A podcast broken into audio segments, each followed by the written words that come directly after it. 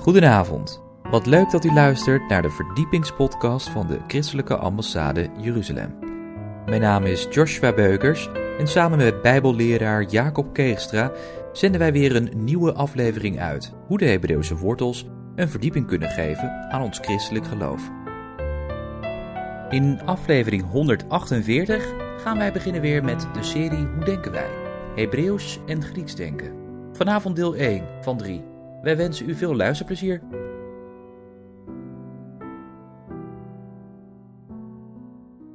Want ik denk dat het een boeiend onderwerp is om te weten het verschil tussen het wereldse denken en het bijbelse denken. Ja. En in onze wereld, de westerse wereld, zijn we heel veel door het Griekse denken beïnvloed. En het bijbelse denken is juist ook het Hebreeuwse denken. Dus Ja. of als we het nou hebben over het Griekse denken tegenover het Hebreeuwse denken. Het is in wezen het bijbelse denken tegenover het wereldse denken. Want wij staan als christen wel in deze wereld, maar we mogen vernieuwd worden door de vernieuwing van ons denken, zodat we ook weten wat de wil van God is, Ja. het goede, welgevallige en voorkomende. En dat we ons niet weer drie de keer terug laten zakken in het wereldse denken. Nou, daar willen we graag deze drie afleveringen het over hebben. Ja, want we gaan drie afleveringen doen. Ja. Eh, kun je even kort uitleggen wat we in de eerste, tweede en derde gaan doen? Ja, dat eh, wereldse denken, behoorlijk door het Griekse cultuur beïnvloed, ehm, omvat ook in de hele Griekse periode drie onderdelen. Want ja, ook dat Griekse denken is natuurlijk niet zomaar uit de lucht komen vallen, heeft ook een hele aanloop gehad. In die vroege Griekse periode, dat eh, de grote schrijvers Homerus en Hesiodus, die hadden het over de godenverhalen. En daar gaan we het de eerste ronde over hebben. Dan de tweede keer over de bloeiperiode van de Griekse eh, filosofie, de Griekse cultuur en gedachtegang, met Socrates en Plato, de grote filosofen, die natuurlijk leidend zijn voor ook voor onze eh wijsgeren en onze filosofen van deze tijd. En dan de laatste ronde, hoe dat verder uitwerkt, dat niet alleen het denken, maar ook in, het, ja, in de macht die het Griekse cultuur had in het grote rijk van Alexander de Grote, die eh, zijn leermeester in Aristoteles, ook een van die beroemde filosofen, daar komt het Griekse denken weer helemaal in naar voren. En dan wordt het ook de wereld ingedaan, want die Alexander de Grote had een wereldrijk van eh, Athene tot aan China toe. Dus eh, die wist wel wat oorlog voeren was. En daarmee de Griekse cultuur heeft hij op eh, de wereld gedrukt. En die invloed, dat zien we nog steeds.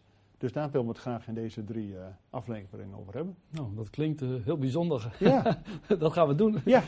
Kijk, en vooral als we het vanavond ook een inleiding, dat, ehm, dat Griekse denken heeft een hele aanloopfase. Want in wezen, de mensen die van God niet zoveel weten, die proberen toch uit te leggen waar het allemaal vandaan komt wat in deze wereld is. Van hoe komt het dat je sterfelijk bent? Hoe komt het dat een zon en een maan en sterren zijn? Hoe komt het dat er geboorte en, en, en groei en, en, en, en sterfte is? Dus al die mensen zaten ook na te denken, waar komt dit alles vandaan? Ja. Dus die hadden ook bepaalde godenverhalen om uit te leggen hoe alles ontstaan is, zoals wat we dat hier nu tegenkomen. En eh, iemand die dat dan heeft opgeschreven, die godenverhalen, was een zekere eh Hesiodus, maar de naam is niet zo eh, belangrijk. Maar die begon met wat we tegenwoordig allemaal kennen, de Gaia-theorie, de moeder aarde-theorie. Ja. Hè, dat dat zie je ook in de nieuwe Ace-wereld, hè? nu eens komt er helemaal naar voren. Dus het begon met Gaia, dus moeder aarde. Daar is alles van eh, afkomstig. daar komt er alle leven uit voort. En dan was er een huwelijk tussen moeder aarde, Gaia, met Uranus, de hemel. En daar komt dan uit het huwelijk Kronos, de tijd, uit naar voren. Dus dan heb je al hemel en aarde in de tijd. Ja. En vervolgens krijgen die kinderen, en dat zijn de titanen, de geweldenaars. En de laatste, de tien in de rij, is Zeus. En die gaat een titanenstrijd aan met zijn broeders. En Zeus is een god. Ja, en eh, uiteindelijk is dan Zeus de oppergod, die dan op de Olympus eh, troont en daar als god eh, vereerd wordt. En zich aan de mensen op de aarde ook niet bekommert. Hè. De, de goden op de Olympus, die hadden alle dagen feest en die deden van alles. Maar ja, die bemoeiden zich verder niet met alles wat op deze aarde is. En het gekke is, als je dat nou legt tegenover het Bijbelse denken, als Jezus in de zeven eh, brieven aan de eerste gemeente in Klein-Azië, Ja. dan hebben we de eh, brieven aan Smyrna en ook één aan Pergamum. Dat staat in openbaring 1 en 2 en 3, hè? Ja, ja, en dan staat heel duidelijk wat Jezus zegt tegen die gemeente in Pergamum. Ik weet waar gij woont, daar waar de troon van Satan is. Zo, met andere woorden, juist vanuit het Bijbelse perspectief vanuit God en vanuit onze Heer en Heiland Jezus, was die Zeus dus niet zomaar even iemand. Dat was wel eh, een macht om rekening mee te houden. Oftewel, om te weten hoe hij te ontwapenen is door het offer van de Heer. Maar dat, dat hele denken van die Griekse cultuur, en je ziet het nou weer terugkomen met de Olympische Spelen. Bijvoorbeeld met het, het weer het offeren aan die Griekse nymfen. En dus die hele Griekse cultuur komt nu in een nieuw jasje tegenwoordig weer naar voren. Ja. Dus denk niet dat dat hele denken vanuit moeder aarde of Zeus, die oppergod, dat dat eh, van oude tijden is. Het wordt via het New Age, komt dat in wezen weer naar voren. Is dat eigenlijk iets wat nog steeds ontwikkeld wordt eigenlijk? Ja, en kijk, ook dit, dat in dat Griekse denken had je natuurlijk eerst die fase, zo'n 700 voor Christus, dat het allemaal speelde om die godenverhalen. En iets later in de tijd, zo'n 600 voor Christus, kreeg je dat de natuurfilosofen dus weer begonnen met die moeder aarde idee. Thales van Miletus, die zei alles is afkomstig van het water. En de ander zei het komt uit de aarde voort. Weer een volgende die zei nee, het is het vuur, hè, waar al het licht is. En dan een ander nee, lucht heb je nodig, dus lucht is alles wat hè, adem geeft. Met andere woorden, had je al vier elementen uit deze schepping. En dan denk ik, ja, logisch dat die mensen zonder God ergens naar op zoek waren. Waar komt alles vandaan? De oorsprong van alles. En dan klinkt het soms nog logisch. Het klinkt heel logisch, want die mensen waren natuurlijk ook niet dom. Die zochten ook naar een verklaring. Maar even nou eens kijken naar wat de Bijbel daarvan zegt. In Romeinen 1, waar heel duidelijk wordt gezegd: we moeten niet iets uit de schepping aanbidden, maar we moeten de schepper aanbidden. Amen. Nou, dan heb je precies het onderscheid. Zullen we dat gedeelte eens lezen? Ja, R- Romeinen 1 vanaf vers 19. ja, dat zal ik lezen. Daar staat. Daarom dat hetgeen van God gekend kan worden in hen openbaar is. Want God heeft het hen geopenbaard. Want hetgeen van hem niet gezien kan worden, zijn eeuwige kracht en goddelijkheid, wordt sedert de schepping der wereld uit zijn werken met het verstand doorzien, zodat zij geen verontschuldiging hebben. Immers, hoewel zij God kenden, hebben zij hem niet als God verheerlijkt of gedankt. Maar hun overleggingen zijn op niets uitgelopen, en het is duister geworden in hun onverstandig hart. Bewerende wijs te zijn, zijn zij dwaas geworden. En ze hebben de majesteit van de onvergankelijke God vervangen door, het, door hetgeen gelijkt op het beeld van een vergankelijk mens. Van vogels, van viervoetigen en van kruipende dieren. Daarom heeft God hen in hun hartstochten overgegeven aan onreinheid, zodat bij hen het lichaam onteerd wordt. Zij immers hadden de waarheid Gods vervangen door de leugen en het schepsel vereerd en gediend boven de schepper, die te prijzen is tot een eeuwigheid. Amen. Amen. Ja, Kijk, hier is duidelijk dat God aan alle mensen laat zien uit de schepping dat er een oorsprong is, een schepper. Zodat ze dus geen verontschuldiging hebben. ja, Maar omdat hun denken verduisterd is, gaan ze het vervangen door iets anders. ja. En ook zodat bij hen het lichaam onteerd wordt. Want in die Griekse filosofie, die Griekse cultuur, was het nadenken, was, dat was, hè, als je maar filosoof, wijsgeer was. En alles wat je met je handen en voeten deed, ah, dat was. En het bijbelse denken is juist dat we als mens een eenheid zijn van ziel, geest en lichaam. ja. Maar die Grieken die hadden dat uit elkaar gehaald. Van de ziel, daar kun je eh, eh, je, je eeuwige ideeën uit ontlenen. En daar kun je de normen uit eh, weten. Maar het lichaam, ah, dat was toch van minder belang. Nou, dan denk ik, dat is precies wat Romeinen 1 zegt. Daarom is het lichaam bij hen onteerd. En doen ze van alles wat God eerder verboden had. En de Bijbel zegt ons, en dat zie je ook door het hele Oude Testament alleen al, dat bijvoorbeeld het, Bijbelboek het Hooglied wordt een loflied ook op de liefde. En op de eenheid van man en vrouw. Dat is een, is, een, is een geheimenis die God geeft. Zelfs als een voorbeeld tussen hoe Christus in zijn gemeente. Dat is ook een liefdesverbond. Ja. Ook hoe God met zijn volk Israël omgaat. Hè, de tien geboden is al. Ik ben de Heer uw God. Geen andere goden, want God is een jaloers God. Hij wil eenheid met zijn volk. Het Maar- is zelfs het eerste gebod, hè? Gij zult geen andere goden voor mijn aangezicht Ja. hebben. Ja, eh, dus je ziet door de hele Bijbel heen dat dat een afzetten is tegenover het wereldse denken. Nou, en dat is door dat Griekse denken bij ons zo beïnvloed dat eh, ja, die, die, die New Age die gaat in wezen in de moderne tijd alles wat in die oudheid van die Grieken naar voren kwam, die gaat de New Age weer in een nieuw jasje stoppen. En ook, kijk, ik ben natuurlijk helemaal niet tegen sport, maar sport is ook een, in wezen een cultus van het lichaam. Ja. Nou, God zegt, je mag best eh, sporten en goede oefeningen is alleen maar goed. Dat je ook eh gezonde geest in een gezond Maar het lichaam. moet, moet niet boven mij komen te staan. Juist. Ja. Dus het is niet dat je iets in de schepping gaat vereren. En zeker niet een mens in de schepping gaat vereren. Maar de schepper. We zijn als mensen zo geschapen met in wezen een religieus eh, verlangen.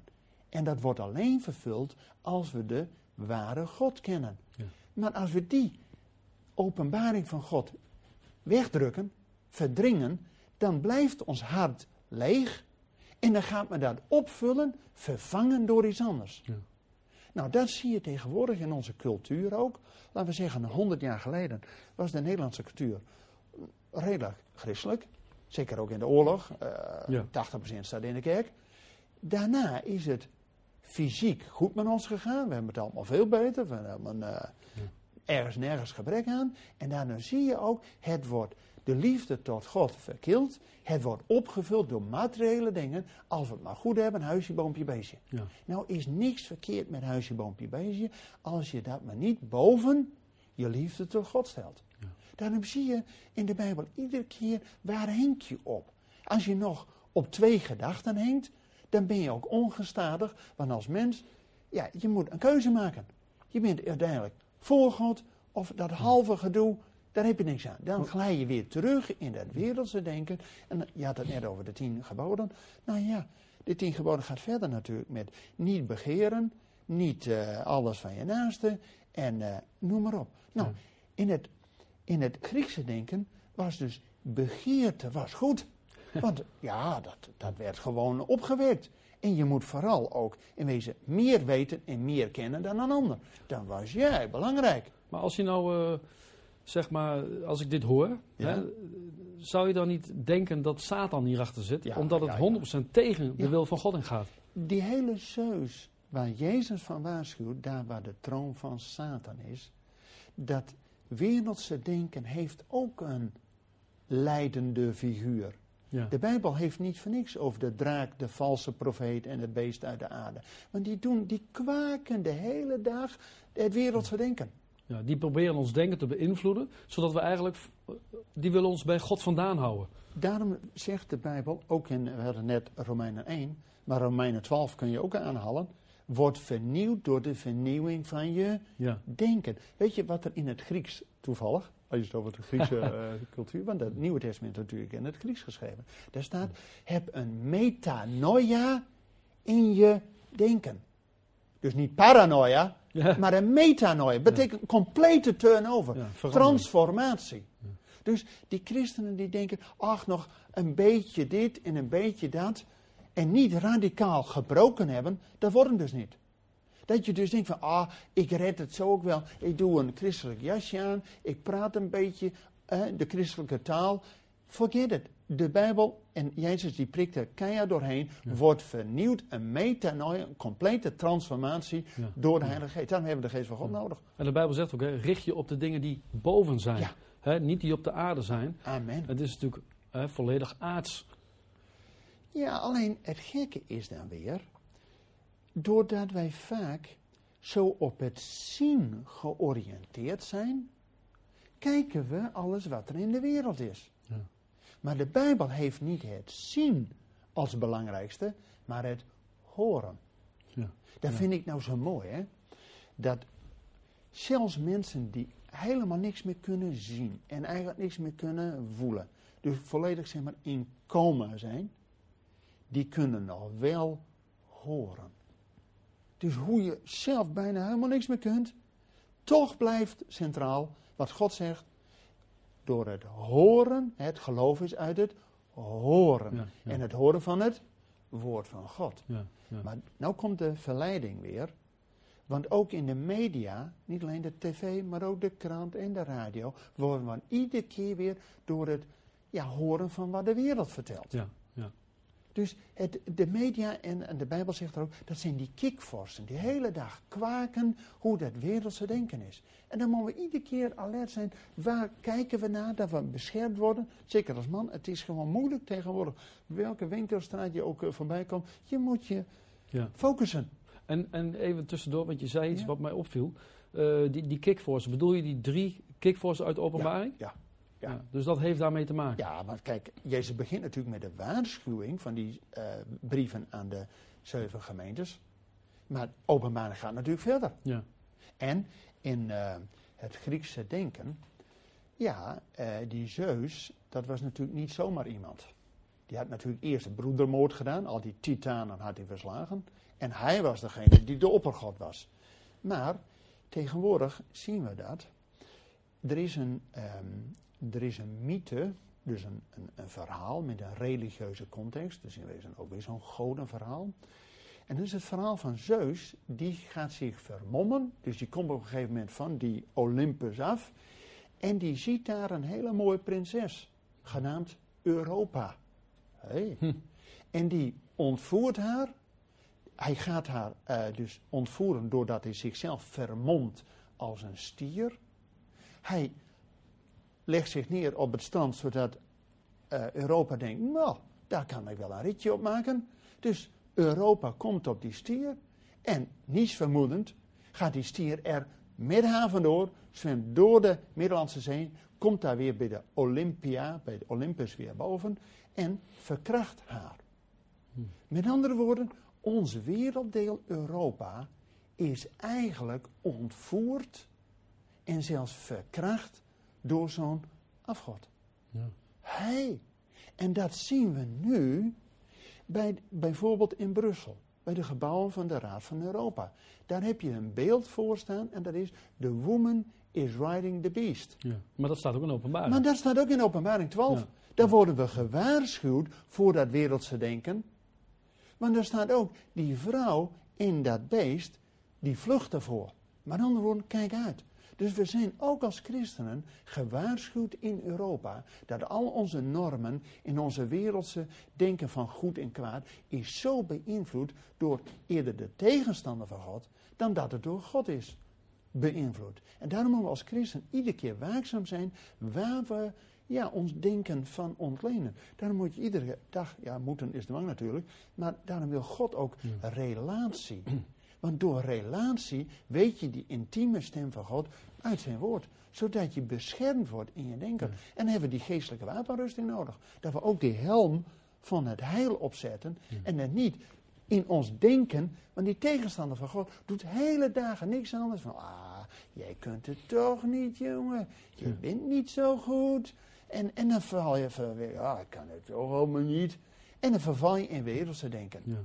Nou, En- en, daar heeft Jezus ons van bevrijd. En als je bijvoorbeeld, eh, ik zeg maar wat, eh, zes dagen per week voor de televisie hangt, hè, dan word je daardoor beïnvloed. En uiteindelijk ga je geloven wat de soapseries zeggen. En wat goede tijden en slechte tijden zegt. En wat de acteurs zeggen en de actrices en noem het allemaal maar op. Ja, maar die geven een heel ander normenpatroon. Ja, Dat is weer door de tegenstander. Eigenlijk zijn we, ja, onze normen in Europa zijn niet door God geënt, maar door het wereldse denken. Door de tegenstander. ja. En dat lijkt misschien vrij cru wat ik zeg, het wereldse denken tegenover het bijbelse denken. Maar God geeft in zijn woord iedere keer die tweedeling. Zo'n tussenweg, zo'n, eh, we willen natuurlijk in Nederland vaak dat poldermodel, een beetje grijs-grijs. Maar daar komen we er niet mee uit. Ja. Dus ik denk dat het goed is dat we ook ja, die tweedeling gewoon eh, laten staan wat de Bijbel laat staan. En ons alert en daarop waakzaam zijn dat we ook in ons eigen denken eh, iedere keer weer een opfrissing nodig hebben. En niet een beetje oppoetsen, maar wordt vernieuwd Ja. door de vernieuwing van je denken. Weet je wat eigenlijk mooi is? Ja? Dat eh, in de wereld ben je opgevoed. En je, bent eh, naar school geweest. Leraren hebben je beïnvloed. Ja. Je bent door allerlei dingen beïnvloed in je leven. En dat heeft je gevormd tot de persoon die je bent. Ja. En dan kom je tot bekering. En dan moet je eigenlijk weer afleren alles wat je geleerd hebt.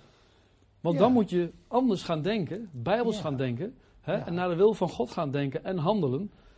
En dat is toch iets heel anders? En dat vind ik zo mooi, hè? Dat, dat iedere keer, kunnen ik weer jaloers wo- worden, als mensen die pas tot geloof komen.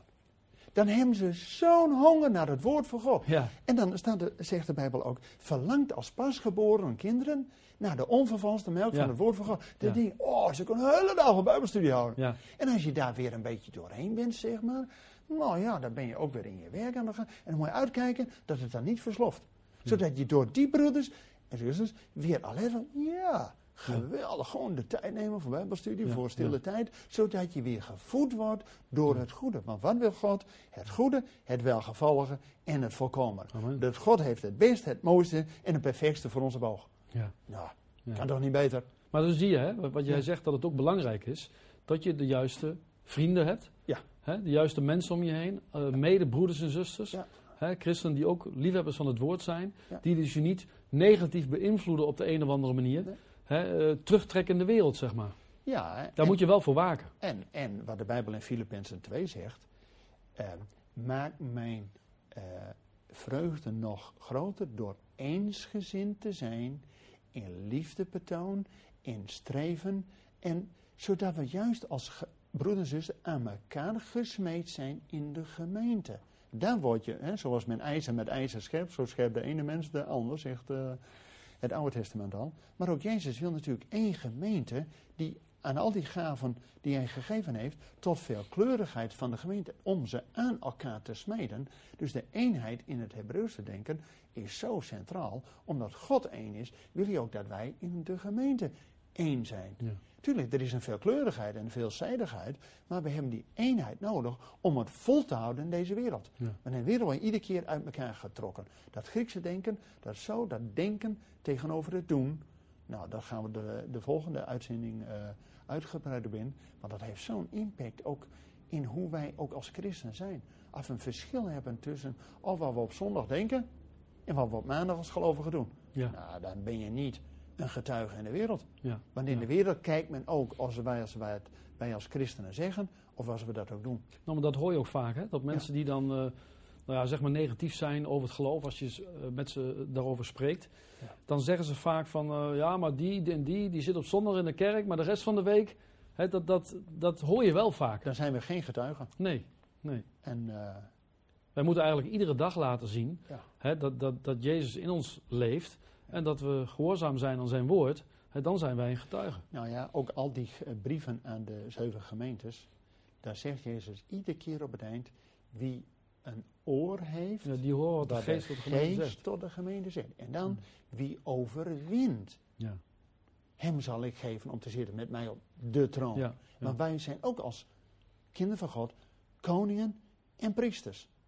Dus we hoeven niet op die troon van, eh, van, van die Zeus altijd eh, te kijken. Nee, we moeten kijken wie staat op de troon. Psalm 2 zegt al, hij die in de hemel troont, die lacht om dat gewoel in de wereld, want hij heeft zijn gezalfde gesteld op zijn heilige weg. Nou, we zullen een dag meemaken dat Jezus komt tronen op de troon van zijn vader David. Amen.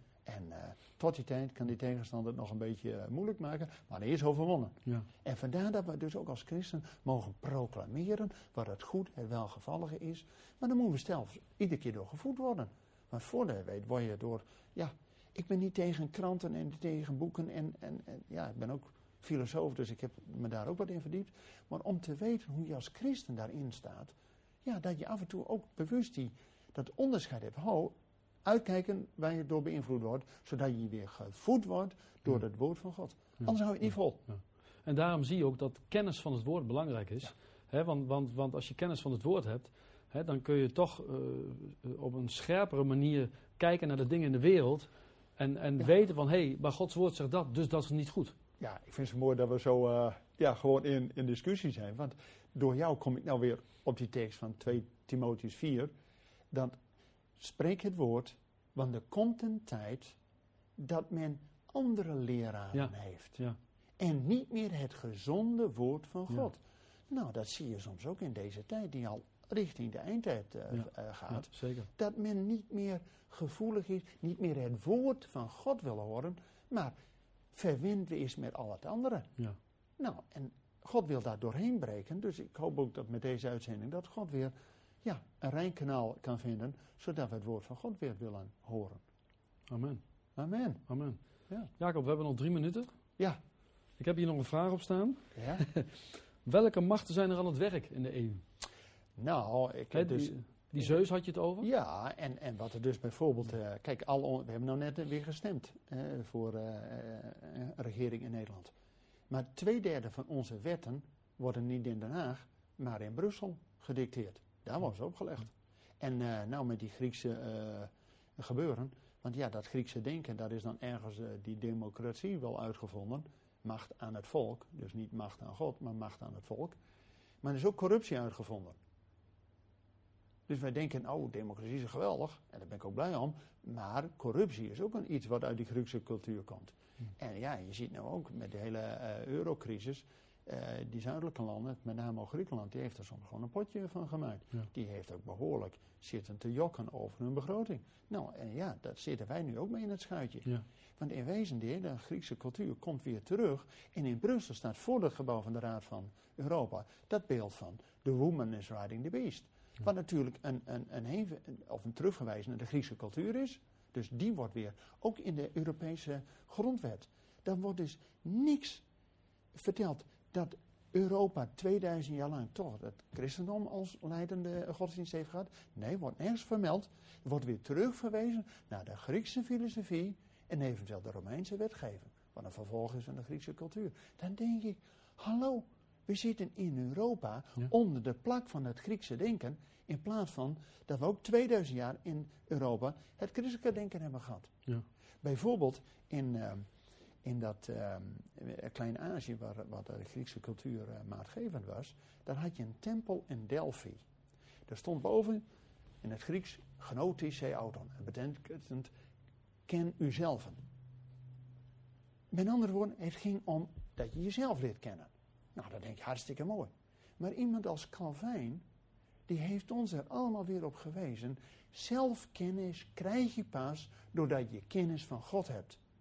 Je kunt nooit weten wie je zelf bent als onderdeel van de schepping, als je niet eerst weet wie de schepper is. Ja, want hij heeft ons gemaakt. Hij heeft ons gemaakt. Dus Ja. pas in het licht van God weten we dat wij zondaren zijn. En dan hebben we die verlosser nodig, die ook weer van Gods kant komt. Maar als je alleen maar zit te vroeten in dit wereldse denken, ja, dan heb je alleen maar mensen op het oog. En dan denk je dat de mens de maat van alles is. Dat is het Griekse denken.